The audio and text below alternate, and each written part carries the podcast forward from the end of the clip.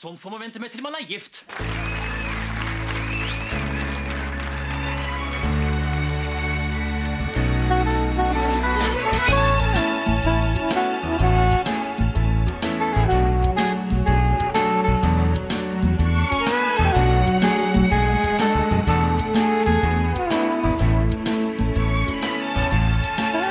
Hei, velkommen til eh, nok en episode av Norsk film filmpodkast, hvor vi ser norsk film med et kritisk, men eh, kjærlig blikk. Eh, Mitt navn er Emil. Jeg sitter her som alltid med. Stefan heter jeg. Og vi spiller jo disse podkastene her for ettertiden, så jeg regner med at det kommer til å sitte folk og høre på Norsk film filmpodkast om sånn 20-30-40 år. Og det dere fremtidige lyttere kanskje ikke veit, var at det var en veldig stor snakkis i norsk film i året 2022 da Joakim Triers 'Verdens verste menneske' ble nominert til Oscar i beste fremmedspråklige filmkategorien. Eh, Den filmen vant ikke, så for å hedre 'Verdens verste menneske' så har vi i dag eh, tatt for oss en annen film som ble nominert og ikke vant Oscar for eh, beste fremmedspråklige film, nemlig Petter Ness sin 'Elling'. Faen i helvete, de har ikke flesk å duppe! Skal det være noe å drikke, gutter? Faen, har du ikke flesk og duppe? Det er dagens, det er brun lapskaus, det. Du sa de hadde flesk og duppe her. Vent litt, da. Skal høre med kokken, jeg, ok? Hun har sagt at du gir opp for fort, Elling. Du må ikke gjøre det nå. Jeg var totalt innstilt på flesk og duppe nå! Ja, Elling. Og det er jo, eh, som de fleste vet, er jo basert på Ingvar Ambjørnsens bøker. Eh, den her er vel basert på 'Brødre i blodet'. Ja, den tredje. Og den handler jo om en, eh, ja, en litt spesiell fyr kan vi si, som heter Elling. Og vennen hans, Kjell Bjarne. Og så er det litt sånn lite univers. Elling er jo en sånn sånn Han har jo en eller annen psykisk diagnose, tror jeg. Han har noe angst, i hvert fall. Ja, han er ekstremt nevrotisk og rigid, så skal jo kanskje ikke drive og slenge oss om eh, diagnoser. Vi er jo ikke kanskje- psykologer, vi. Nei, men kanskje sånn Asperger takler veldig dårlig forandring, den type ting. Og ja, Uh, dette her er jo den tredje boka som ble skrevet om Elling, men den er den uh, første av de som ble filmatisert. I ettertid så har man også filmatisert uh, bok nummer to, som kom på kino som, et, som Mors Elling, gjorde den vel, og bok nummer fire, som er 'Elsk meg i morgen', som filmen også het, hvis jeg husker riktig. Helt klinkende klart. Helt korrekt. Ja, Hva er ditt forhold til Elling-bøkene og filmene, Stefan? Nei, jeg har jo, altså jeg leste jo de her bøkene i tenårene og, og syntes jo de var veldig bra. Jeg måtte kose koste meg jo med den der Elling-karakteren. Uh, jeg synes jo han, han, han minner meg om noen jeg kjenner, uten at jeg skal nevne navn. Det er ikke deg, Emil. men Ja, da ble jeg veldig spent. Ja, ja, det, det- dette, jeg sier A, ikke B. Det er på en måte et virkemiddel. Kanskje jeg røper det seinere i episoden. Uh, og det, som, det som er Jeg har jo også lest dem igjen nå for, for et år siden, og syns jo faktisk at de holder mål. Syns dette her er storveis litteratur, og koser meg gløgg i hjel, og, og ler og koser meg for meg selv når jeg hører på det. Hva med deg, Emil? Ja, jeg har et litt sånn spesielt forhold til eh, Elling-bøkene, egentlig. Spesielt da de tre første. Eh, At jeg leste de ekstremt mye som barn. Eh, Oi, sånn- barn! du! Ja, altså femte, sjette, sjuende klasse, sånn slutten av barneskolen. Så den første boka, 'Utsikt til paradiset', den tror jeg jeg har lest sånn 13-14 ganger. Oi. uten å underdrive. Og så har jeg også lest 'Fugledansen' sånn over ti ganger. 'Brødre i blodet' leste jeg ikke så mye som den, kanskje sånn åtte-ni. Og den 'Elsk meg i morgen' den var jeg ikke klar over at fantes før jeg egentlig begynte å gå litt lei av Elling-bøkene, så den har jeg bare lest sånn tre-fire. Så jeg har eh, Jeg hadde et veldig sterkt forhold til eh, Elling-bøkene. Det var litt sånn første hva skal jeg si, sånn skjønnlitterære romanene som jeg leste. Jeg hadde lest en del krim og sånn før det, men Elling var på en måte en sånn ordentlig skjønnlitterære oppdagelsen for meg. Jeg vet at mange har det forholdet til Beatles-boka til Lars Odde Christensen. For meg så var det liksom Elling, så det var et eller annet med de bøkene som greit meg veldig, uten at jeg er helt sånn sikker på hva det var sånn i ettertid. Jeg har aldri gått tilbake til eh, Elling-bøkene sånn i ettertid. Jeg tenker kanskje at det er sånne ting som det er like greit å la Men det er, jo, det er jo god humor og lun stemning. og det er jo, Du kan jo ikke sammenligne med Beatles av Saabye Christensen. Den er jo uh, Altså, den er jo Jeg syns jo det er et makkverk sammenlignet med, med Elling. Ja, det, det kan hende det, altså, men det er etter at med noe som man har vært så opptatt av i Mm. en såpass tidlig fase av livet, og så har man aldri vært innom det seinere igjen. Så det å gå tilbake til nå, det føles liksom som å se på sånn gamle, flaue familiebilder av seg sjøl eller et eller annet sånt. Du bare Jeg blir blitt- skuffet. Jeg, nei, jeg er ikke bare skuffa. Jeg tror det hadde blitt litt sånn pinlig. At jeg hadde fått masse sånn minner fra barndommen, hvem jeg var da, som jeg ikke ønsker å ha. Oi, nå blir jeg spent. Hva slags minner, eh, Emil? Nei, Det kan vi kanskje spare til seinere podkast. Mimrepodkasten som vi skal gi ut seinere. Vår eh, Q&A-spesial. eh, Lytterne våre fortsetter å sende oss inn masse spørsmål og henvendelser. Vi får jo flere e-poster daglig. Så vi kan bare slappe av. Det kommer en sånn eh, lytterspesial etter hvert. Veldig mange som lurer på hvem vi er og hva vi driver med. og sånn. Ja. Det, det kommer vi tilbake til i den podkasten her. Det er naturlig, det. Lytterne vil vite mer og mer og mer. Men det er ikke oss det skal handle om i dag. Det er altså denne Elling-filmen. Og den kom jo i 2001. Eh, Da var jeg 11 år gammel og midt inne i den Elling-fasen. Jeg husker egentlig at jeg ikke var så interessert i å se filmen da den kom. Kanskje fordi jeg hadde så sterkt forhold til bøkene at jeg tenkte at det kunne bli sånn ødeleggende å se det på film.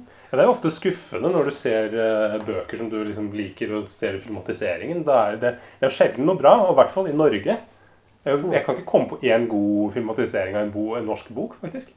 Siste revyakta, Ulrik Imtias Å, Rolfsen. jeg beklager, den er jo helt fantastisk. Imtias, eh, han briljerer jo der. Og Tøren Blak Isat, eh, blant annet. Så, som vi har snakket om for noen uker siden. Eh, nei, så det er et eller annet med at kanskje man har lyst til å ha sine egne bilder da, når man leser bøkene. At det ikke, var ikke nødvendigvis sånn at jeg ville se Per Christian Elfsen hver gang jeg leste om Elling, eller at jeg har lyst til å se Sven Nordin når jeg leser om Kjell Bjarne. Så jeg må vel ha sett den. Men jeg hadde ikke noen sånn spesielt store minner av den. Aldri gått tilbake til den siden. Eh, men du hadde sett den her et par eh, Ja, jeg tror mer enn et par ganger. Jeg, tror, jeg tipper jo at jeg er oppe igjen kanskje en 15 ganger. Og jeg hadde jo en sånn uh, rutine da jeg, var, da jeg var litt yngre. Sånn at uh, siste dag før liksom, skoleferien var ferdig, så satt liksom, jeg satt og grua meg ordentlig liksom, til å begynne på skolen igjen. Fordi jeg syntes jo ikke skolen var noe gøy. Fordi jeg var en kreativ sjel. Som du, som du vet. Passer ikke den A4-bobla til lærerne. Nei, det norske skolevesenet. Grøss og gru. Du kan også høre på Ungdommens råskap-episoden vår for å få mer innblikk i akkurat skolevesenet. Hvordan det svikter sånn kreativ ungdom som eh, Stefan. Men uansett, eh, grua meg jo til skolen. Og da eh, alltid liksom kvelden før jeg skulle begynne på skolen, så så jeg liksom Elling-filmen. For da, og da, da er det sånn Det er litt sånn Det er en feel good-film, og du blir litt sånn glad av den, og så blir du litt sånn trist. Og så tenker du sånn at ja, ja, det er neste skoledag i morgen, men eh, jeg er i hvert fall ikke Elling. Ja, Er det en feel good-film? For det var kanskje noe av problemet som jeg hadde med filmen eh, nå, uten å foregripe for mye. At jeg syns det er en veldig sånn rar tone i det. For det handler jo om to menn som er ganske sånn alvorlig psykisk syke. Og som kanskje ikke burde bo for seg sjøl. Hæ, mener du?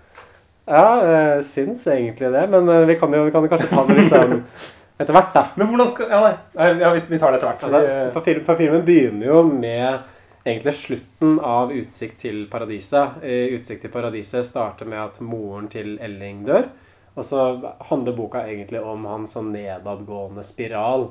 At han driver og observerer naboene sine gjennom en svær kikkert. Bor i en sånn norsk sosialdemokratisk høyblokk. Og så blir han egentlig gærnere og gærnere utover i boka. Og så slutter boka med at han egentlig får, kommer inn i en psykose. Og vi ser at eh, politiet kommer inn i leiligheten, at det er sånn skikkelig reir, at Gro Harlem Brundtland-bilder er liksom klistra over veggene. Sånn typisk sånn seriemorderstil. Ja, masse gammelt søppel som ligger rundt og sånn. Og så er det, er det liksom, det være, er litt sånn, gjøres litt sånn komisk, for eh, det ligger på en sånn voiceover, stemmen til Elling, som sier at ja, vi trivdes, jeg trivdes best alene, og så kom folk og blandet seg. Og, Alltid vært en mamma av alt, er vel første Ja. eh, replikken i filmen. Og Elling, eh, spilt av Per Christian Ellefsen, sitter da gjemt inne i skapet, eh, livredd i en sånn fosterstilling. Eh, Så det er jo ganske sånn tragisk anslag her. At dette her er jo virkelig en mann som har fått livet sitt fullstendig ødelagt. Og, ja. og da er det jo bra at den eh, norske stat kan eh, stille lokaler til disposisjon for sånne folk. Han har jo, en, han har jo en sånn, han er et veldig Elling har jo et veldig sånn eh, byråkratisk og liksom sånn krøkkete språk som på en måte hører Det høres jo liksom ut som eh, liksom, ja, som en tale av Trygve Bratteli eller, liksom, eller Einar Gerhardsen. Det er på en måte et sånt, derre- sånt politikerspråk fra, fra 50-, 60-, 70-tallet. Ja, jeg tenkte jo da jeg så den filmen der at Elling er på en måte en slags sånn parodi, nesten, eller en ekstremt karikert versjon av den sosialdemokratiske nordmannen, eller Arbeiderparti-nordmannen. Og at filmen, eller bøkene, handler på en måte litt også om hvordan det sosialdemokratiet slår sprekker og møter en sånn utrygg verden utover 80- og 90-tallet. Han er, en, han er født i feil generasjon, Elling. Han er ikke russer Ja, men samtidig har han jo aldri gjort et arbeidslag i hele sitt liv. da. Nei, det, er, det er jo et godt poeng. I hele mitt liv har jeg hatt en enorm respekt for arbeiderbevegelsens møysommelige og nitide arbeid. Lediggang har alltid vært min største fiende. Jeg er en prosjektenes mann.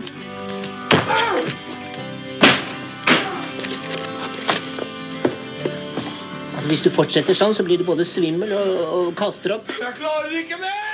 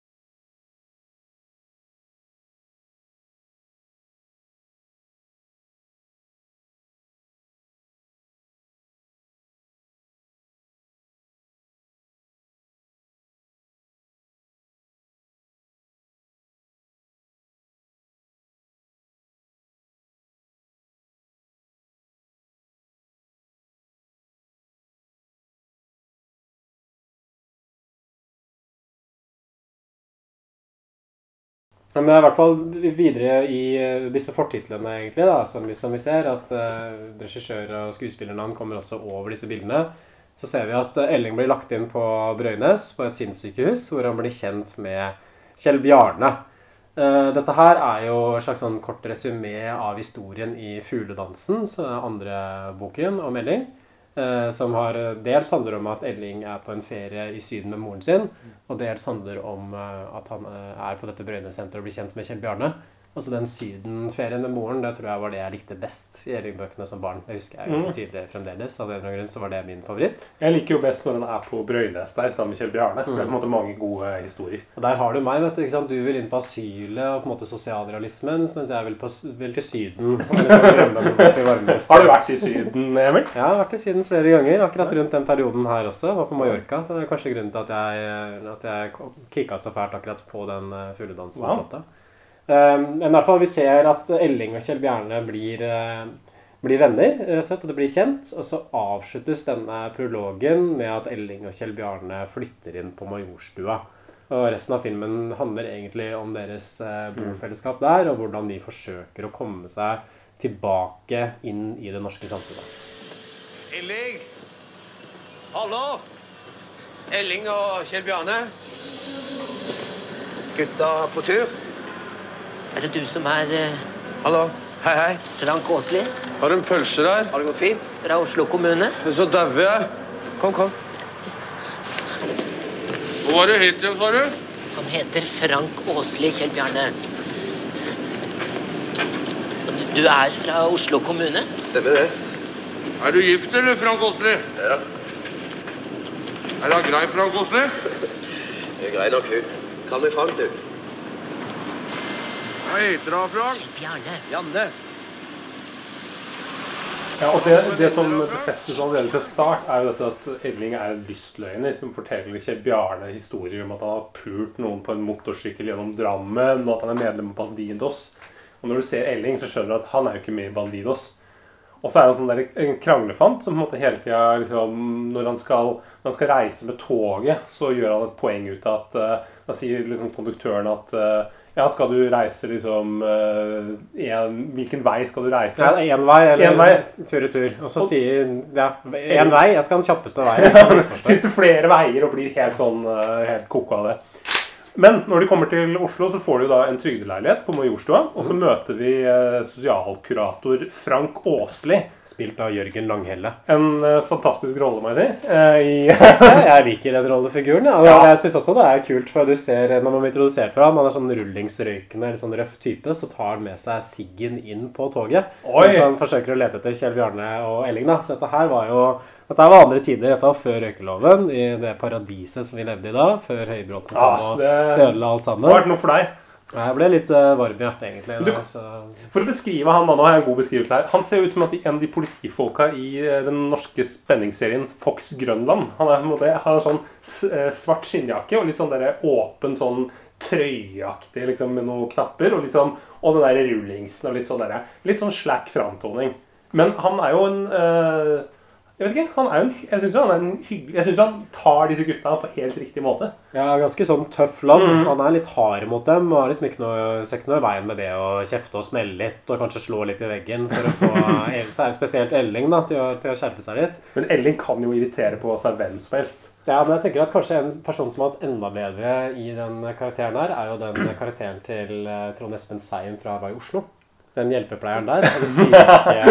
Det Han hadde jo aldri da, da hadde jo jeg dratt tilbake til Brøynes på liksom etter to uker. For han hadde ikke gjort en dritt. Han bare surra rundt. Jeg skulle gjerne hatt eh, litt mer fra da i Oslo her, sånn klipp av Per Christian Ellefsen som jogger eh, forbi Majorstua. Blir det her da, med sånn xylofonmusikk, og så Trond Espen Seim som driver og ser etter den. Nei, jeg tror jeg hadde gjort seg. Hvorfor i helvete tar dere ikke telefonen?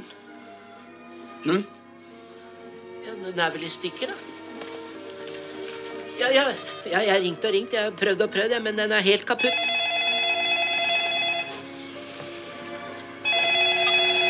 Skjerpingskar. Vi må ha helt streite avtaler. Hvis dette skal gå, så må jeg kunne slå på tråden, og da må dere ta telefonen. Kjell Bjarne? Nei vel, greit. Da får vi ta telefontrening en gang til, da. Jeg må se å få rydda i verktøykassa mi Frank. Nei, du blir med meg. Begge to. Kom igjen. Kom igjen. Når det ringer i telefonen, så plukker dere opp røret. Og så sier dere hallo. OK? Elling først. Nå later vi som det ringer, OK? Ring. Ring. Ta telefonen.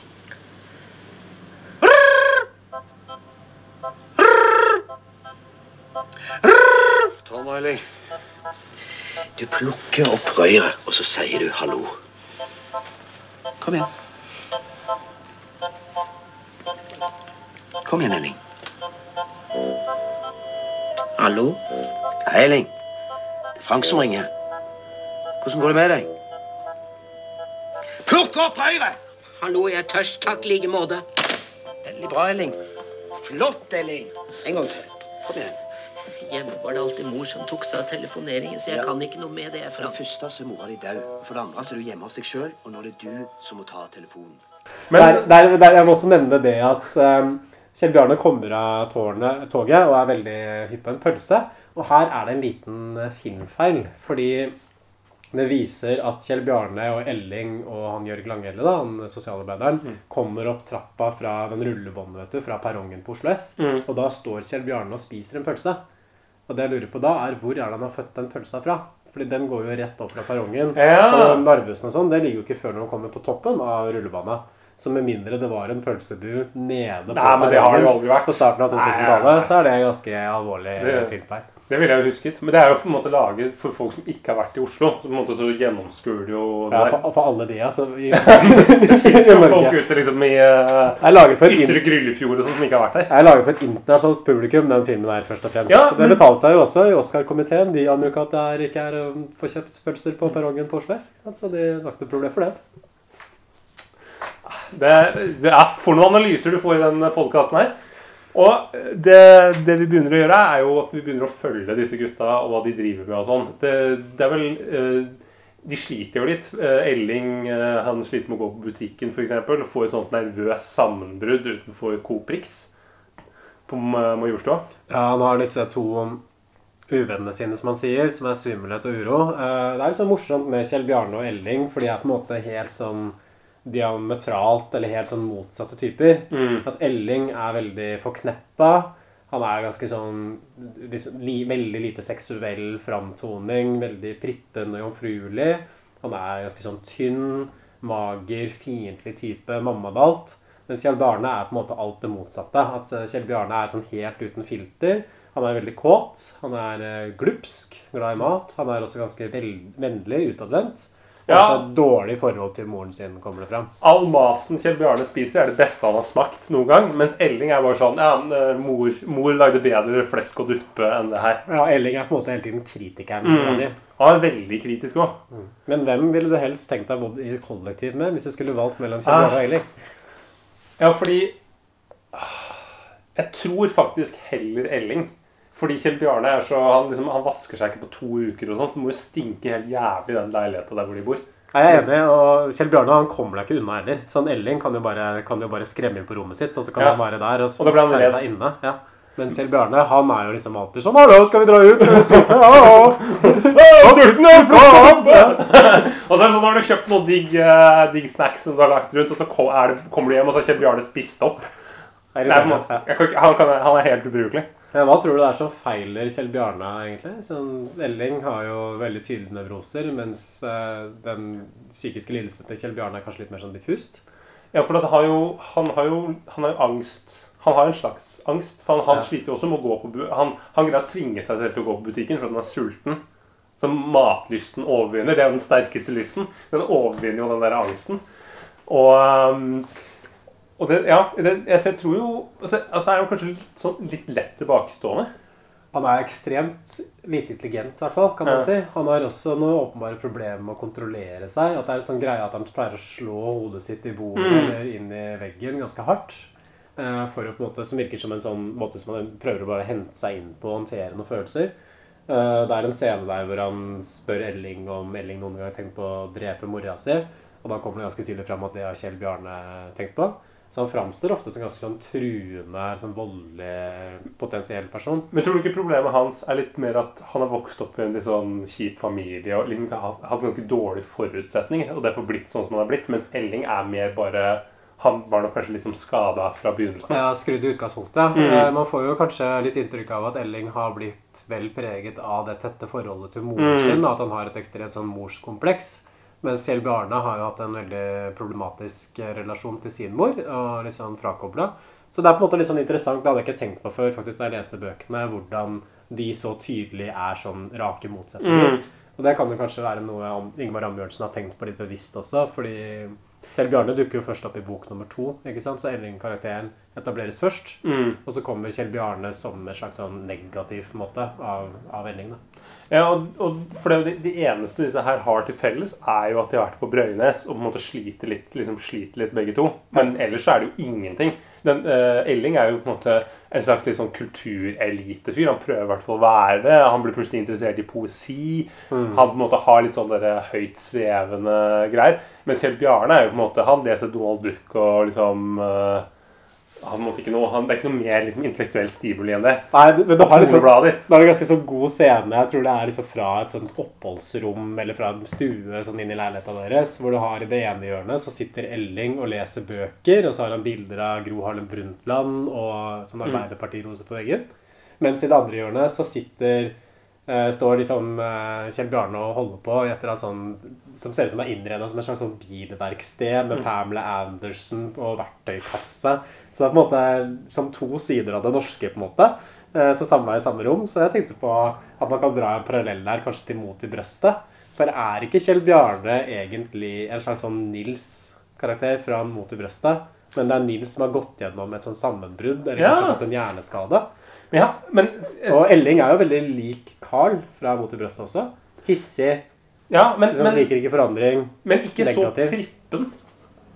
Ikke like prippen. Nei, Carl er ikke like prippen, men jeg, sånn, Ja, hvis, men jeg hvis, Carl, hvis Carl Reverud da, får et sånt nervø, nervøst sammenbrudd og hadde hatt et litt sånn annen type liv hvis han ikke hadde vært den finansfyren, men kanskje bodd med mora si. Ja, for han, har jo nevro, han er jo veldig nevrotisk i tech. Mm, Ja, ja. det er sant. Det er, det er jo akkurat akkurat samme dynamikken mellom de Så det er jo egentlig bare en ny, den siste Mot i brøstet-filmen. Med bare liksom etter, etter masse problemer på Ja, det, det, det, slo, det, det slo meg. Eh, også, en annen ting jeg tenkte på, er eh, liksom koblingen mellom Elling og en annen veldig kjent og kjær karakter i norsk eh, humor, nemlig Fleksnes. Har du tenkt på den? Nei. De er jo ganske like. Hvorfor det? Sterk mor, Aud Schønevolds Fleksnes. Sure, prippende typer. Går Men- rundt og liksom kritiserer, lagkvalm, aldri fornøyd med noe. Ja. Vriompeiser. Igjen, Elling er jo mer psykisk syk da, enn det Fleksnes er, men det er jo litt sånn Der hvor, eh, der hvor eh, Elling kanskje er eh, Karl Reverud etter et sånt sammenbrudd, så kan man kanskje si det samme om Fleksnes også. Fleksnes er på en måte Elling kanskje mens moren fortsatt er i live. De bor sammen. Han har det sett der mora si. Jeg bare prøver å trekke tråder her. Jeg har lyst til å de store sammenhengene. i er norsk film det er jo avanserte analyser, og det er derfor dere hører på Norsk film filmpodkast. Det får du bare her. Ingen andre steder. Ikke de der dumme andre filmpodkastene som jeg, jeg vet ikke, jeg hører ikke Nei, vi på. trenger vi trenger ikke å nevne det. Nei, shit au! Men eh, og det, bare en, en kommentar der er jo at eh, Flek, Men Fleksnes er jo på en måte i hvert fall Han prøver seg litt Han er jo på en måte dame Han prøver i hvert fall å finne noen. Elling er jo på en måte bare, er jo bare alene hele tiden. Ja, for Det er jo et sånt problem for Kjell Bjarne. at Kjell Bjarne er jo jomfru. Det blir etablert veldig tidlig.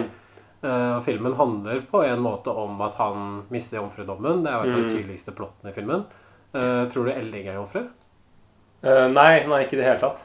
Du tror ikke det? Nei, det, gjør, det gjøres vel et poeng ut av at han måtte ljuger om at han har hatt sex. Ja, men sånn, sånn i virkeligheten, da. Og jeg karakter i bøkene. Ja. Det har jeg aldri tenkt over. Jeg har bare antatt at han er jomfru. Han må jo være det. Ja, han må være det. De, men ja, nei, det, det, det sies jo faktisk aldri. Men eh, det, det kommer jo det, det som du kom inn på her, er at det er noen vendepunkter her. Det første vendepunktet i filmen er jo når Kjell Bjarne og Elling bestemmer seg for at nå, nå skal vi Frank Åsli har klaget masse på at de ikke tar telefon, og de bare sitter inne i leiligheten. Men nå skal gutta ut på restaurant og spise flesk og duppe. Og da, blir det jo liksom sånn flesk og duppe-bingo. Liksom, hvor mange ganger kan du si flesk og duppe? De, de, gjentar det så mange ganger. Og da er det jo en, en scene inne på restauranten hvor uh, Kjell Bjarne begynner å få sammenbrudd og slår huet i bordet fordi at han, han var totalt innstilt på flesk og duppe. Og de har jo ikke flesk og duppe på restauranten. Og så spør, sier hun eh, servitøren at jeg kan spørre kokken. Sånn, først sier først at ja, vi har en annen spesial. Og så ble jeg så forvirra, for når hun kom tilbake, så sa hun ja, nå hadde dere flaks, dette er jo de to siste porsjonene. Men jeg tolka det først som at flesk og duppe ikke var på menyen i det hele tatt. Men det er dagens rett. Det er dagens rett. Ja, det er kjøttkaker. Ja, men, men den, den, varierer jo, den varierer jo hele tiden. Så Jo, kanskje vi men- har rester liksom fra dagen før. Ja, ok. Det var litt sånn rar måte å legge det fram på. Ja, ja, ja. Mulig at jeg er litt vel, litt vel kynisk her. Kanskje du er, liksom, kanskje du ikke er så rask i skallen som meg? Nei. Men eh, Kanskje jeg skulle jobbet på universitetet? neste scene så er det en eh, full dame som dukker opp i oppgangen deres sett deg på julaften. Og det er jo kanskje det viktigste dramatiske vendepunktet i filmen, egentlig. For her blir vi introdusert for Reidun Nordsletten.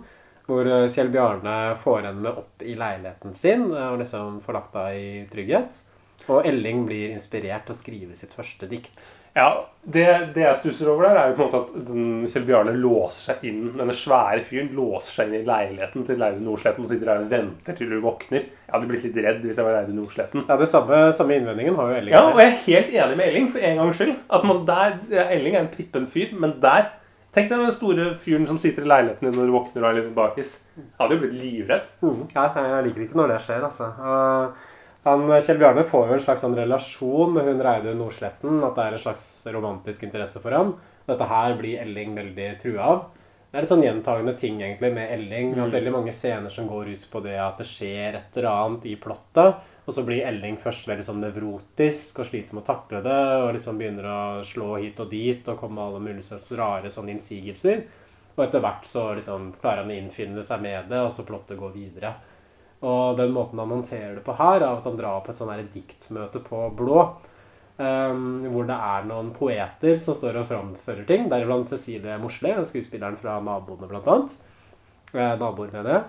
Spindelvev.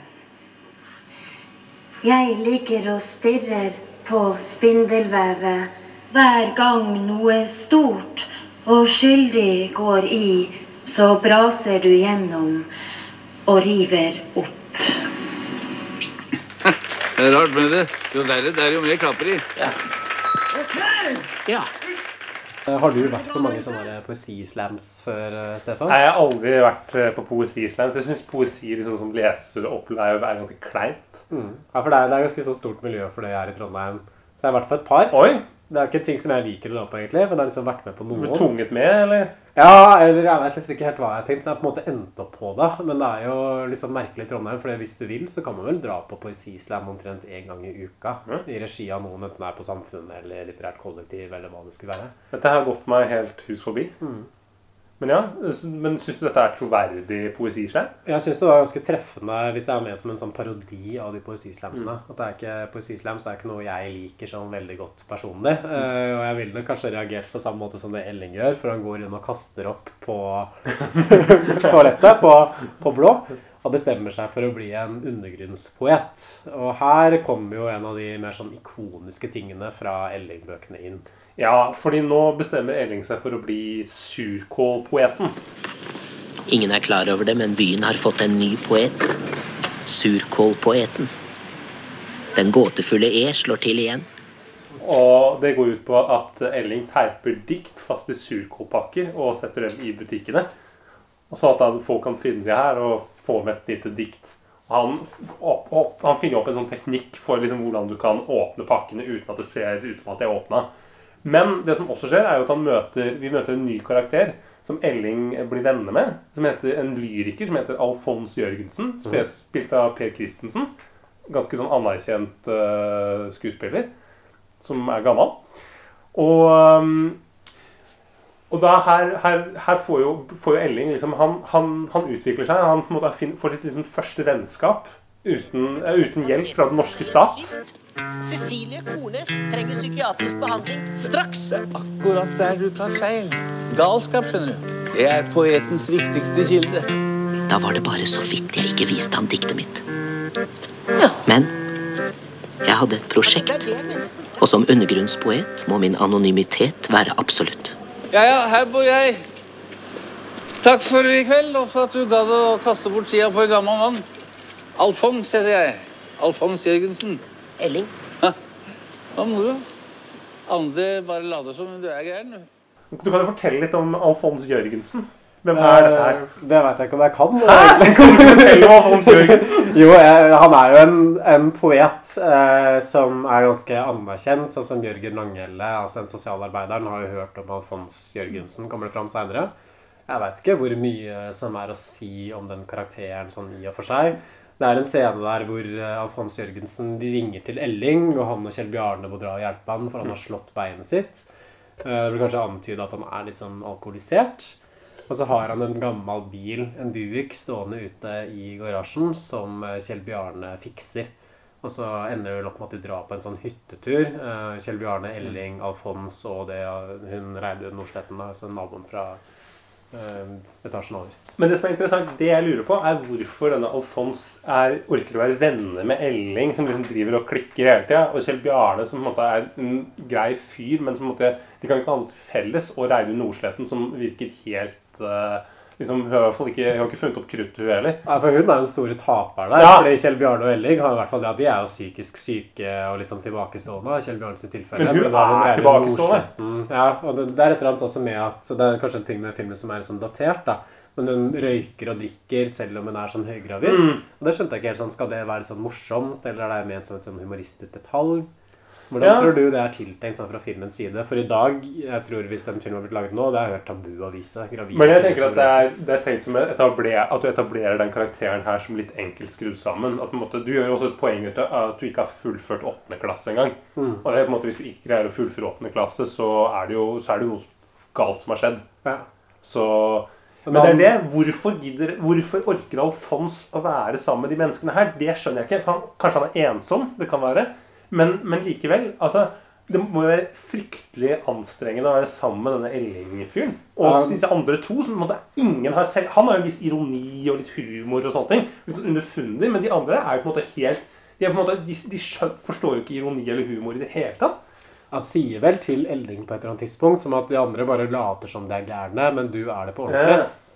Så det kan jo kanskje være en ting som man syns er litt sånn sjarmerende i et litt sånn frikete poetmiljø hvor alle hele tiden forsøker å framstå som de er sånn skikkelig på randen og lever på utsiden av samfunnet, så er Elling litt mer det, sånn the real deal. Men Elling er jo også såpass dysfunksjonell sosialt, sånn som du sier, at han er jo ikke bare litt gæren, men han er jo ja, sånn person som egentlig burde ha blitt verna mot seg selv i mange tilfeller. Ja, For du kan jo ikke ha noen, du kan jo ikke ha noen samtale med han. Nei. Ja, nei. Nei, nei, men det, du kan ikke ha noen samtale med fyren. Nei, han er jo gæren på en veldig sånn irriterende måte også. Som Mm. er det at han tror alt handler om han hele tiden. Han blir alltid veldig fiendtlig. Han ser konspirasjoner overalt. Så det er en sånn scene hvor de skal ut på denne hytta. Og så blir bilen stoppa av politiet. Og da tror Elling først at eh, ja, stopper de bilen pga. meg nå? Og så svarer han Alfons nei, det er nok meg de skal snakke med. Det er jeg som er sjåfør i bilen her. Og så sier Elling ja, det var ikke jeg noe interessant var ikke jeg noe interessant likevel, jeg, da. Nei, for det står Sånn irriterende. Ja, for det, det ble, Han tar alltid verste mening. Han, alltid, han, er, han er jo veldig bitter. Han er jo en bitter fyr. Og, og det ender jo med at eh, alle står rundt bilen mens Elling sitter i baksetet og på en måte og diskuterer bilen. Og så skal Elling liksom vise seg fram, vise at han også kjenner til bilens hemmeligheter. Og så begynner han å dra i noe greier og kalle det for eh, altså, at teftingen er løs. Og da ødelegger han jo den gode stemningen som har oppstått. Og så må alle bare liksom skynde seg inn i bilen og bare kjøre av gårde. For at nå, nå, liksom, eh, nå begynner Elling å klikke her. Ja, og tilsvarende scener det får man litt sånn igjen og igjen i filmen. Og jeg Mm. må kanskje innrømme da at den filmen fungerte ikke noe sånn spesielt godt for meg da jeg så den igjen nå i dag. At det blir liksom veldig mye dette her at Elling blir hysterisk, og så må de forsøke å roe han ned, og så klippe kameraet, så går man bare videre til neste del. Det er en sånn, sånn voice-over som er veldig sånn gullkorn fra barnemunn-opplegg, hvor eh, Elling kommer med sånne tørre wisecracks liksom over, over dialogen. Sånn, når de skal hjem til han Alfons, eksempel, så kommer liksom voice-overen og sier sånn 'Elling og Kjell Bjarne, Majorstuens nye ambulantteam, bare ring, så stiller vi opp.' Liksom he-he. Jeg syns ikke det var så veldig sånn morsomt og sjarmerende. Men syns du ikke det var, eh, at dialogen liksom, mellom Elling og Kjell Bjarne er ganske morsom?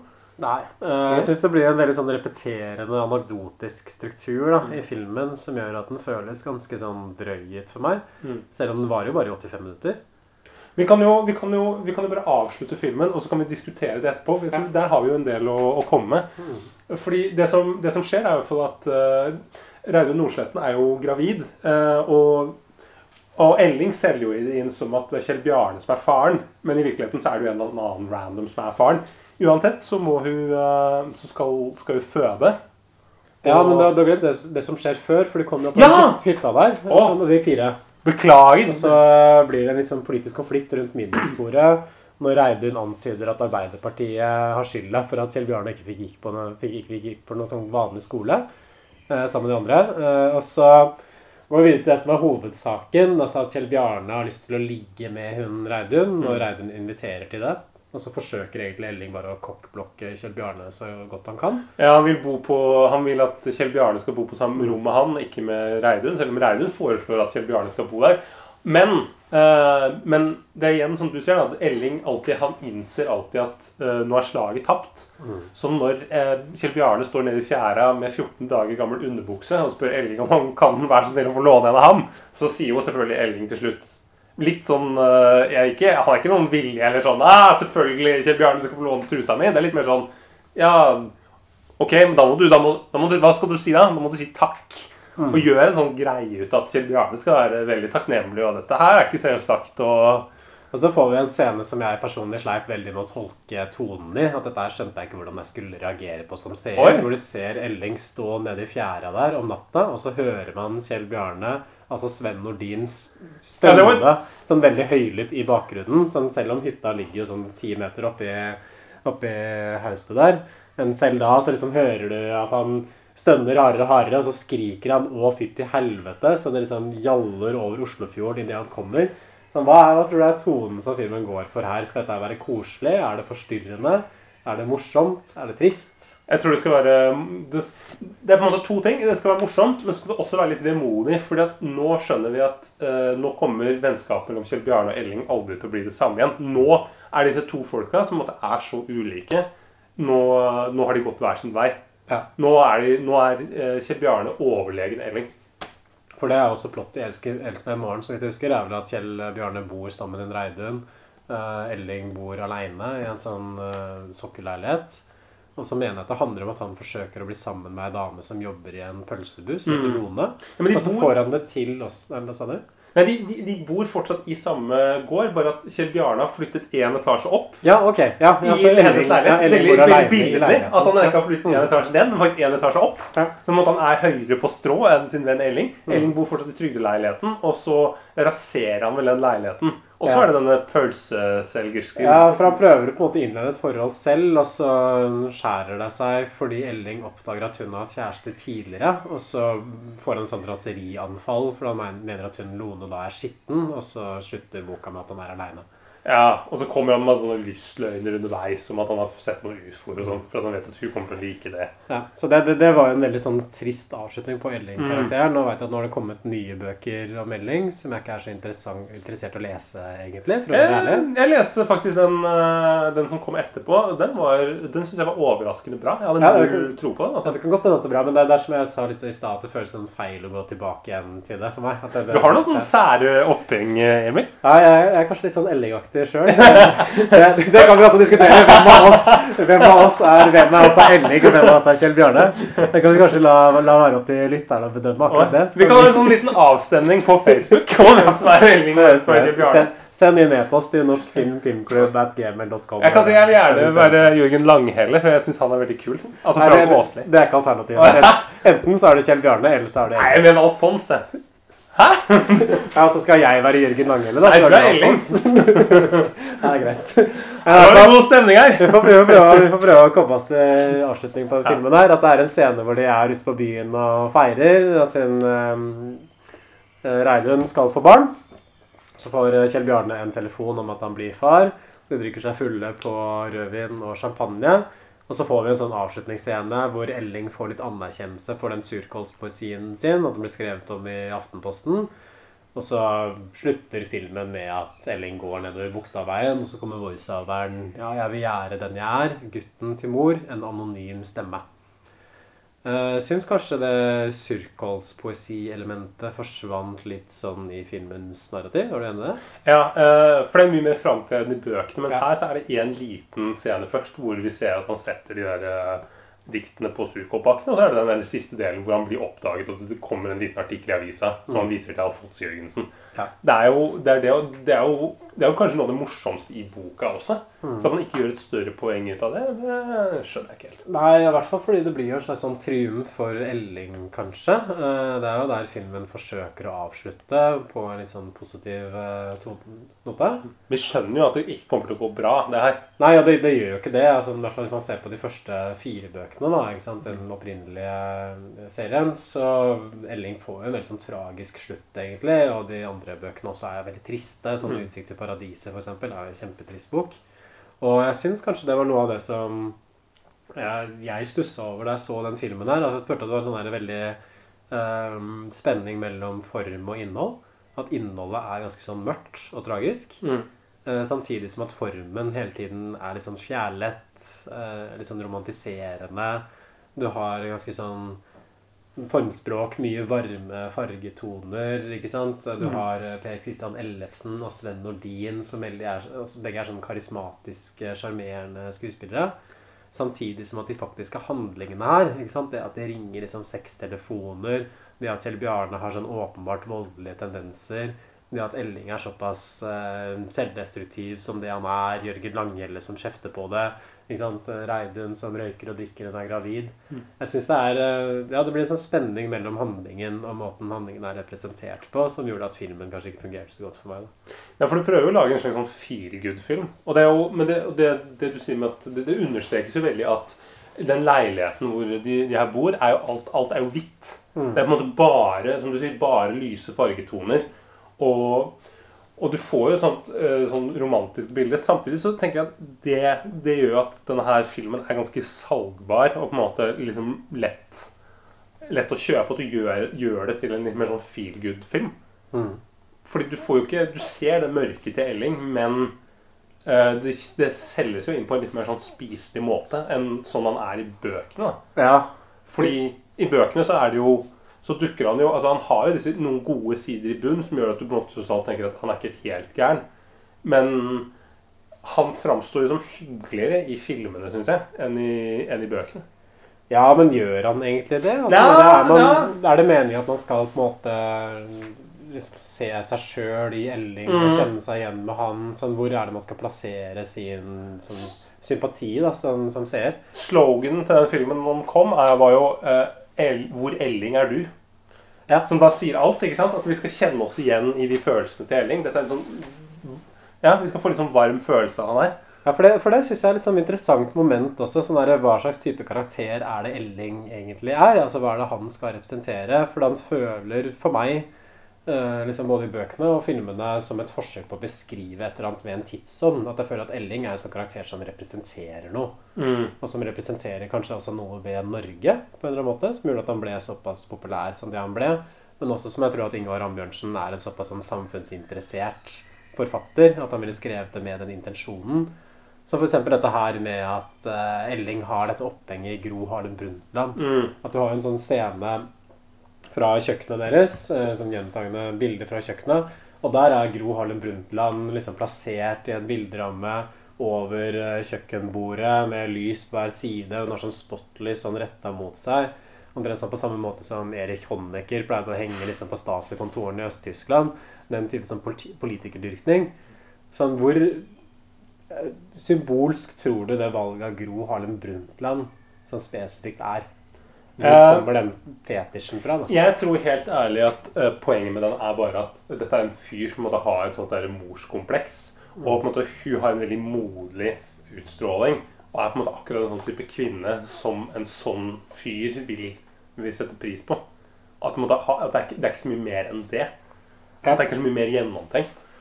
Ja, fordi Fra utsikt til paradiset så husker jeg at det er jo scener der hvor eh, Elling onanerer Mm. til et bilde av Gro Harlem Brundtland fra Se og Hør eller et eller annet sånt. En bade, badebukse. Men det tror jeg de har sløyfa fordi at Gro Harlem Brundtland tok seg så nær av det.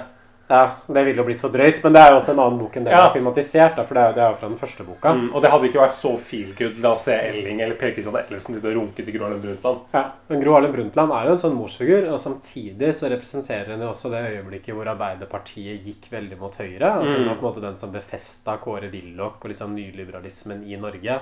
En ting er liksom en høyreregjering som innfører disse nyliberalistiske tiltakene, men så kommer Gro Harlem Brundtland inn, og så fester dette som arbeiderpolitikk, Mm. og da er på en måte kursen lagt. Så hvis hun er en sånn morsfigur for Norge, da, sant, så er hun en slags sånn forrædersk morsfigur også. Kanskje også for det sosialdemokratiet som Elling er så glad i. Ja, Hun var vel mer nyliberalist, men ja. Uh, ja, fordi Ja, at, at, tenk, men ja, nå, nå må du forklare hva du eh, Nei, jeg tenker at det, er- det er liksom flere ting i filmen som antyder på en måte sånn sosialdemokrati som er en sånn forvitring. At Elling går flere ganger forbi en eh, sånn butikkvindu Mm. hvor det står sånn 'oppesalg, alt skal vekk'. Ikke sant? Som er jo en detalj som er plassert inn i filmen en rekke ganger, egentlig. Hadde ikke trengt å være der. Eh, De har liksom, det er liksom litt den gammeldagse vanene hans. ikke sant? At han sier vel en gang Hele mitt liv så har jeg respektert arbeiderbevegelsens nøysommelige arbeid. Han sier vel også at det er bare én kanal som gjelder for meg. Det er NRK P1. Han kler seg litt sånn 60-70-tallsaktig. Og det er også et eller annet med den flesk og duppe-scenen. Mm. At det liksom drar på det som før var en sånn folke- og nå så sitter det jo bare masse gamle alkoholiserte gubber og drikker aleine. At man får inntrykk av at Elling representerer på en måte sånn svunnen tid i ja, Norge. da, Men det er, jo, det, er jo, det er jo litt som en sånn Dag Solstad-karakter. At det er en fyr som ikke egentlig har kontakt med sin egen samtid. Det er en grunn til at han kanskje blir venner med Alfons Jørgensen nå, som er en gammel fyr. Mm. Elling er jo ikke så gammel, men han er veldig sånn ubestemmelig alder pga. de der kakefargede klærne og liksom, ja, og den rare væremåten. Og den der litt sånn Han har vel til og med sånn sveis, sånn der guttesveis, som var litt moderne på 1960-tallet. Mm. Ja, og Alfons Jørgensen er vel mer en sånn gammel sånn kulturtraddis-type Ja. som man kan tenke seg kanskje har vært med i AKP ML. Eh, Kjell Bjarne også er kanskje en litt sånn fyr som kunne kanskje ha passa inn i 60-70-talls Norge hvis han kunne vært en bilmekaniker. Så kunne han ha levd et greit liv. Men nå, sånn som Norge var på 90- og 2000-tallet, så er det på en måte ikke lenger plass for sånne typer som han. Mm. Så dette her er jo folk som på en måte historien har gått litt sånn fra. Mm. Men samtidig som jeg føler at i hvert fall blikket i bøkene, sånn som jeg husker det, og litt sånn i filmen også, er litt sånn ironisk på det. Og litt sånn latterliggjørende. At det løftes jo fram som noe som er litt sånn romantisk, Mm. og også liksom som er verdt å sette pris på. Men alltid liksom med den følelsen av at dette er folk som ikke passer inn i samfunnet i det hele tatt. Og som ja, alltid kommer til å ha det på den måten her. Og det er på en måte Mm. ikke noe man kan gjøre noe med, da. Det er sant, men ellers så syns jeg at karakterene, når de spilles av Per Kristian Elvesen og Sven Nordin, så skil- skildres de jo med en, sånn, med en varme. Ja. Det er jo, det er jo ikke eh, jeg føler, Det er jo ikke noe Jeg syns ikke de går inn for å latterliggjøre dem. Du får jo litt sånn Du får jo sympati for begge to, og du skjønner Jeg, jeg forstår den der angsten til, til Elling. Han levliggjør det veldig altså på en god måte. Sånn som han sitter utenfor Coop Rix der og har falt sammen og sånn. Og du bare du, du ser Men, men det, vi, det, det vi også kan snakke om litt her, er at jeg, jeg syns jo dette er den første sånn norske sånn uh, Oslo-skildringen som er litt sånn romantisk. Altså du har Det er filmet på Majorstua i samme område. eh, og, og så har du i tillegg liksom, har du musikk av uh, Lars Lito Stenberg. Oslo, Oslosken, Oslo-fyr, liksom. Og så Oslo Oslosen blir det. Altså det heter. Og så, og så har du eh, så har du liksom eh, Vigelandsparken, et sånn innklipp som er helt unødvendig, hvor de gutta her går i Vigelandsparken. Det er åpenbart at det er en film som skal selge inn Oslo sånn internasjonalt som en spennende by. Nettopp derfor så har du mye sånn nærbilder av små fasader og sånn, sånn at du ikke ser hvor stygt det er på Majorstua. Mm. Nei, det er klart at det har jo en sånn Oslo-romantikk ved seg, og kanskje sånn romantikk ved det norske også, som er, kan jo være grunnen til at dette her ble liksom valgt inn som en Oscar-kandidat, at det Mm. ble nominert i kategorien. Jeg lurer jo veldig på hvordan komiteen, eller hvordan et internasjonalt publikum så på den filmen her. Mm. Tenker de kanskje at Elling er mer sånn som alle nordmenn er? For han er på en måte en sånn ekstrem versjon av den norske stereotypien. Det er liksom en person som er veldig innadvendt, rigid, krass. Mm. Men som er det på en litt sånn søt, fomlete måte. Som gjør at det Ja. ikke blir usympatisk. At det bevarer tross alt en slags sånn varme for den For det er veldig norsk. Det føles jo veldig norsk. Også det der, det der pedanteriet. At måte, Ja. jeg skal ikke betale jeg, tomater, Det at tomatene koster 33 kroner, ikke 33,50 som jeg betalte nå. Det er, det er på en måte at de eh, regler er til for å følges. Og liksom, det er den der... derre ja, sosialdemokrati liksom etter Ja. etter krigstida. Akkurat den tingen som Lille Lørdag liksom latterliggjør. Mm. At eh, tomatene de har alltid stått der, og de har alltid kostet 20 kroner kiloen. Og da skal du gjøre det i morgen, og så lenge jeg lever. Han gjør også et poeng ut at når han kjøper togbillett, og det koster 130 kroner, så, så syns han Hva? Det er dyrt? Og så sier han konduktøren at ja, men det, det var minst 30 år siden at du betalte så lite for togbilletten. Ja, sier Elling. For det, jeg tror egentlig dette er et sånn ironisk element i Ingmar Ambjørnsen sine bøker. At det er en slags sånn kommentar til Arbeiderpartiet som Mm. politisk som ligger i bånn. Sant? Det må det jo være. At du skriver ikke en scene med en psykisk eh, syk mann som onanerer til et bilde av Gro Harlem Brundtland på 90-tallet i Norge uten at det er en eller annen slags sånn politisk kommentar i det. I hvert fall ikke når du er Ingmar Ambjørnsen, tror jeg. Sånn hasjrøykende raddis som, Som er anti alt mulig. Ja, ja, som er anti alt mulig. Som har skrevet liksom 'Døden på Oslo S' og eh, 'Siste revejakta' og 'Hvite N-året'. Ikke sant? Tidligere. Nei, kan man ikke si det med Litt sånn ramsalte bøker. Så, det- så det, at det er liksom en eller annen sånn ironisk intensjon her fra Ambjørnsens side, det tror jeg. Men jeg, tror, jeg føler liksom at filmen kanskje reproduserer disse tingene bare for at de er i bøkene. Så det blir mer sånn staffasje. ikke sant? Etter et sånn humoristisk poeng. At man ser at det er et bilde av Gro Harlem Brundtland eller en sånn Arbeiderpartiplakat på veggen til Elling. Men det, gjør, det gjøres kanskje ikke nok ut av det til at det helt rettferdiggjør den politiske symbolikken. Sånn som den scenen også med Reidun, da, når de sitter og diskuterer sånn Er det Arbeiderpartiet sin feil om at uh, Kjell Bjarne har uh, måttet gå på en sånn spesialskole og på en måte har blitt svikta av utdanningssystemet? Så kommer jo Elling med et veldig sånn forsvar, at det er snakk om råtne epler, folk som har infiltrert Råtne sosialdemokratiet. planker er det Råtne bruker ja. en sånn der veldig rar analogi som ingen skjønner i det hele tatt. Ja, men det jeg lurte på er sånn, Hvordan er det filmen stiller seg til dette her? Så har på en måte filmen en slags posisjon? Eller er det bare trukket fram som noe som er litt sånn morsomt og sjarmerende? Ja, fordi jeg syns, filmen ikke, ikke tar stilling til dette her i det hele tatt. Jeg synes ikke det, Den underkommuniserer. Det er mye tydeligere i bøkene enn det der i filmene. Her er det det bildet med Gro Harlem Brundtland hvor, ikke, hvor det egentlig ikke gjøres noe poeng ut av i det hele tatt. Mm. Han bare henger det opp.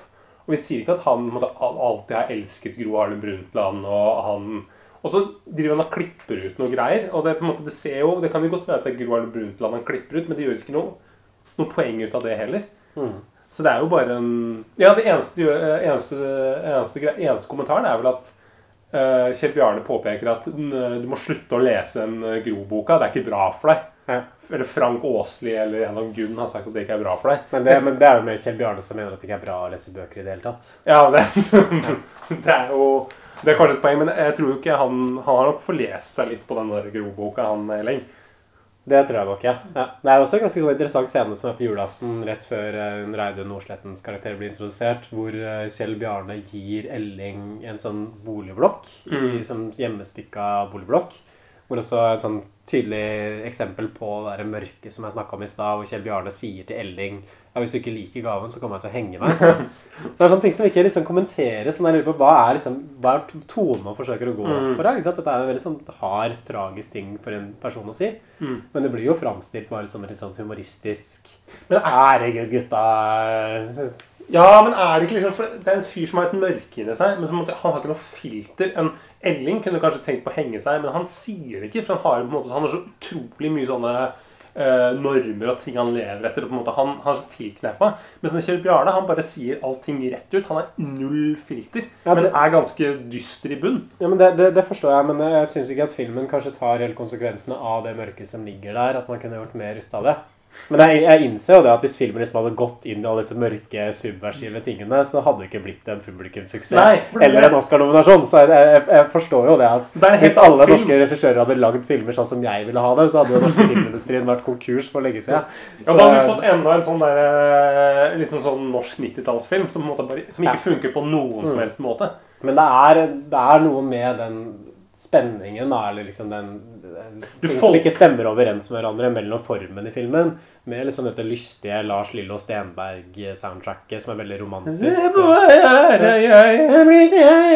Og, med, og liksom det, der, liksom det som egentlig er en sånn mørk og tragisk historie. Altså, jeg husker jo Da jeg leste disse bøkene, så husker jeg jeg tenkte liksom at 'Brødrene i blodet' er jo den av de bøkene som er den mest romantiske, som er den mest Mm. spiselige. Men det er jo nok mørke liksom, i den, og så ellers i Ellens Mm. historie, som gjør at det blir en litt sånn merkelig filmopplevelse, syns jeg. For det liksom hele tiden tok meg i sånn Ja, men stopp en halv, hva er dette her for noe, egentlig? Er ikke dette her egentlig ganske, ganske drøyt, det som vises? Jo, men det, eh, jeg, ser, jeg ser poenget, men jeg tenker at jeg er, litt sånn, jeg er litt glad for bare for en gangs skyld å se en film som jeg tenker at, at Jeg syns den, den, den får til den derre feel good-stemningen som veldig få norske filmer får til. Det er så mange som prøver å være morsomme, det, men det blir den der prompehumoren. Mens her så er det det er, ganske, det er vel, gans, velskrevet dialog. Det er levert av Jeg, jeg syns jeg syns alle skuespillerne her presterer. Per Kristian Ellefsen er jo fantastisk i Ja, ja, Elling. Eh, Nils eh, Sven Nordin kjenner jeg jo ikke jeg, tenker jo ikke at det er samme Sven Nordin som i, i Mot i brøstet. Sven Nordin gjør en veldig sterk rolle. Ja, ja han, han tar jo den karakteren veldig godt. Fra Jørgen Langhelle som Frank Aasli også er jo fantastisk. Og jeg syns også Per Christensen som Alfons gjør liksom får fram liksom den der eh, litt sånn gamle kulturradisen på en god måte. Nå nevner du bare mannlige skuespillere her. Hva med hun som spiller Reidun Nordsletten? Eh, jeg, jeg føler jo innsiden at hvem som helst kunne gjort den rollen. Men uh, det, er, det er jo godt jobbet. Uh, nå vet ikke jeg hvem det er, for jeg er jo mann, så jeg, jeg følger jo ikke med på kvinnelige skuespillere. får du stå for, eh, for din kappe, Stefan. Ja. Skal, vi- skal vi begynne å runde av? Sånn terningkast? Eller Ja. hadde du noe mer? Det skal vi se.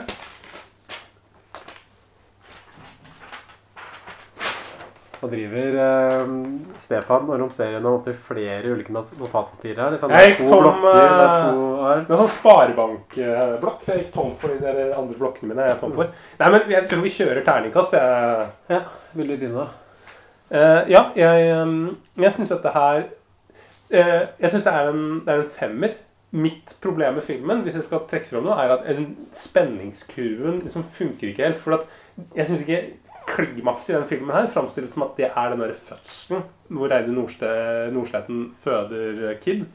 Men for meg så blir den Den har et veldig sånn jevnt spenningsnivå. Det skjer liksom Det er aldri noe sånn der at Oi, nå, nå blir det spennende. Nå skjer det mye. Det er på en måte bare sånn Det går bare som en sånn jevn Liksom bare som en sånn bølge. Liksom, sånn, eller på en måte, litt som å kjøre motorbåt på en innsjø. på en måte. Det bare liksom, Det går rett fram, og så er det ferdig. Mm. Det er ikke så veldig mye som skjer, egentlig. Det bare liksom, kunne vært sånne små anekdoter eller små nove- novellefilmer som bare var klippet sammen til én film. Ja, Den samme innvendingen er det egentlig her, at den føles veldig episodisk og sånn ustrukturert. Men jeg skal si, eh, grunnen til at jeg gir den eh, fem, er fordi at jeg syns den, den er utrolig godt casta. Du har, du har truffet, Det er en av få filmer hvor du har truffet godt på liksom, skuespillere. Det er en god, god jobb. Også Reidun Nordsletten, eh, som jeg syns leverer. Men ehm, eh, også er det også synes jeg også at dialogen den, den, den jeg, jeg, koser meg liksom når Elling kommer med dette her, eh, liksom, eh, språket fra en annen tid. Og det blir jo liksom Det er litt vittig. Jeg sitter jo liksom og og humrer for meg selv når jeg ser den. Jeg, kan ikke sammenlignes med boka, men jeg syns det er en, det er en, kura, en ganske en spiselig filmatisering. Ikke min type favorittfilm, men jeg synes det er en, det er en det er en god film som er verdt å se. og Det er, en, det er, liksom, det er, en, det er et publikumsfrieri blant noe, noe av det beste publikumsfrieriet norsk film noen gang har prestert, vil jeg si. Ja. Og du uh, mener sikkert ikke det samme som meg? Jeg lander nok på terningkast to. Hæ?! To?! Nei, du kødder nå? Du kan gi det her to? Nei, nå skal, jeg- nå skal jeg ta hevn på den Once Upon a Time in Du kan ikke Norway. hevn! Vi er jo ikke så smålige her i Norsk film filmpodkast. Men er, jeg tror nok den filmen her er avhengig av at du på en måte kjøper den sjarmen som forsøker Er det ikke sjarmerende, da? Nei, jeg, jeg, jeg kjøpte ikke den i det hele tatt. Jeg syns ikke, ikke det var noe spesielt sjarmerende eller noe morsomt. Jeg syns det ble for stor avstand, som jeg har vært inne på i stad, mellom innholdet i filmen og liksom det, de tingene som portretteres, og måten det portretteres på. Jeg synes skuespillet er det som er verdt å trekke fram i filmen. Jeg syns ikke manuset har blitt bearbeidet på en god måte. Jeg tror det kunne blitt strukturert bedre. En del av de mer sånn vesentlige momentene i boka, sånn som jeg oppfatter det, sånn som surkålspoesien f.eks., forsvant for mye i bakgrunnen til fordel for andre ting. Eh, Jeg syns at eh, musikken til Lars Lillo Stenberg ikke passa inn. Man har jo sånn Eh, der, Se på meg, her er jeg. Se på meg, her er jeg. Det, er fine, er, er, er låter, for all del, altså, men jeg vet ikke hvor bra det passa til den filmen her. Jeg, syns også formspråket var veldig sånn håndverkeraktig. Også litt sånn dårlig til tider. Håndverket er jo et, et kjennemerke, da, hvis det er et håndverk. Måte, Det er, jo bra hvis det er en rørlegger som har vært der, ikke en eller annen fyr som det, det, det var uinspirert, var det jeg mente å si der. Okay. Altså, en del sånn Nå kommer jeg til å høres ut som verdens kjipeste fyr, men en del sånn problemer Du er verdens kjipeste fyr. En del sånn problemer med sånn fargetoningen innimellom. At det, det veksler mellom ganske sånn varme brunfarger, og i neste skudd så er det vel sånn kjølig blå fargepalett. Ofte i samme scene, som jeg syns var litt sånn amatørmessig. Så nei, jeg, jeg syns Altså som historie og som liksom premiss og som karakterer, for all del. ikke sant? Men det er jo ting som kommer fra boka. Men som film, og liksom som filmhåndverk, og som et forsøk på å filmatisere dette her, og på en måte ta en litt sånn aktiv innstilling til ok, hva slags formspråk, hva slags struktur er det vi burde bruke for å kunne formidle dette her på en best mulig måte, der syns jeg det faller veldig til kort. da. Så Jeg er jo ikke enig i det hele tatt. Jeg synes, på en måte, Den virker som en, liksom, en kommersiell salgbar film. Det er kanskje ikke den filmen eh, jeg ville lagd hvis jeg skulle lagd en film. Jeg ville lagd en mye bedre film. Men eh, eh, likevel. Nei, men Man må jo vurdere litt av hvor mye man får ut av det sjøl. Altså, dette er jo min Jeg prøver å sette karakter på min personlige eh, nytelse av filmen. Du må jo selvfølgelig få mene det du vil, men eh, jeg er uenig med deg.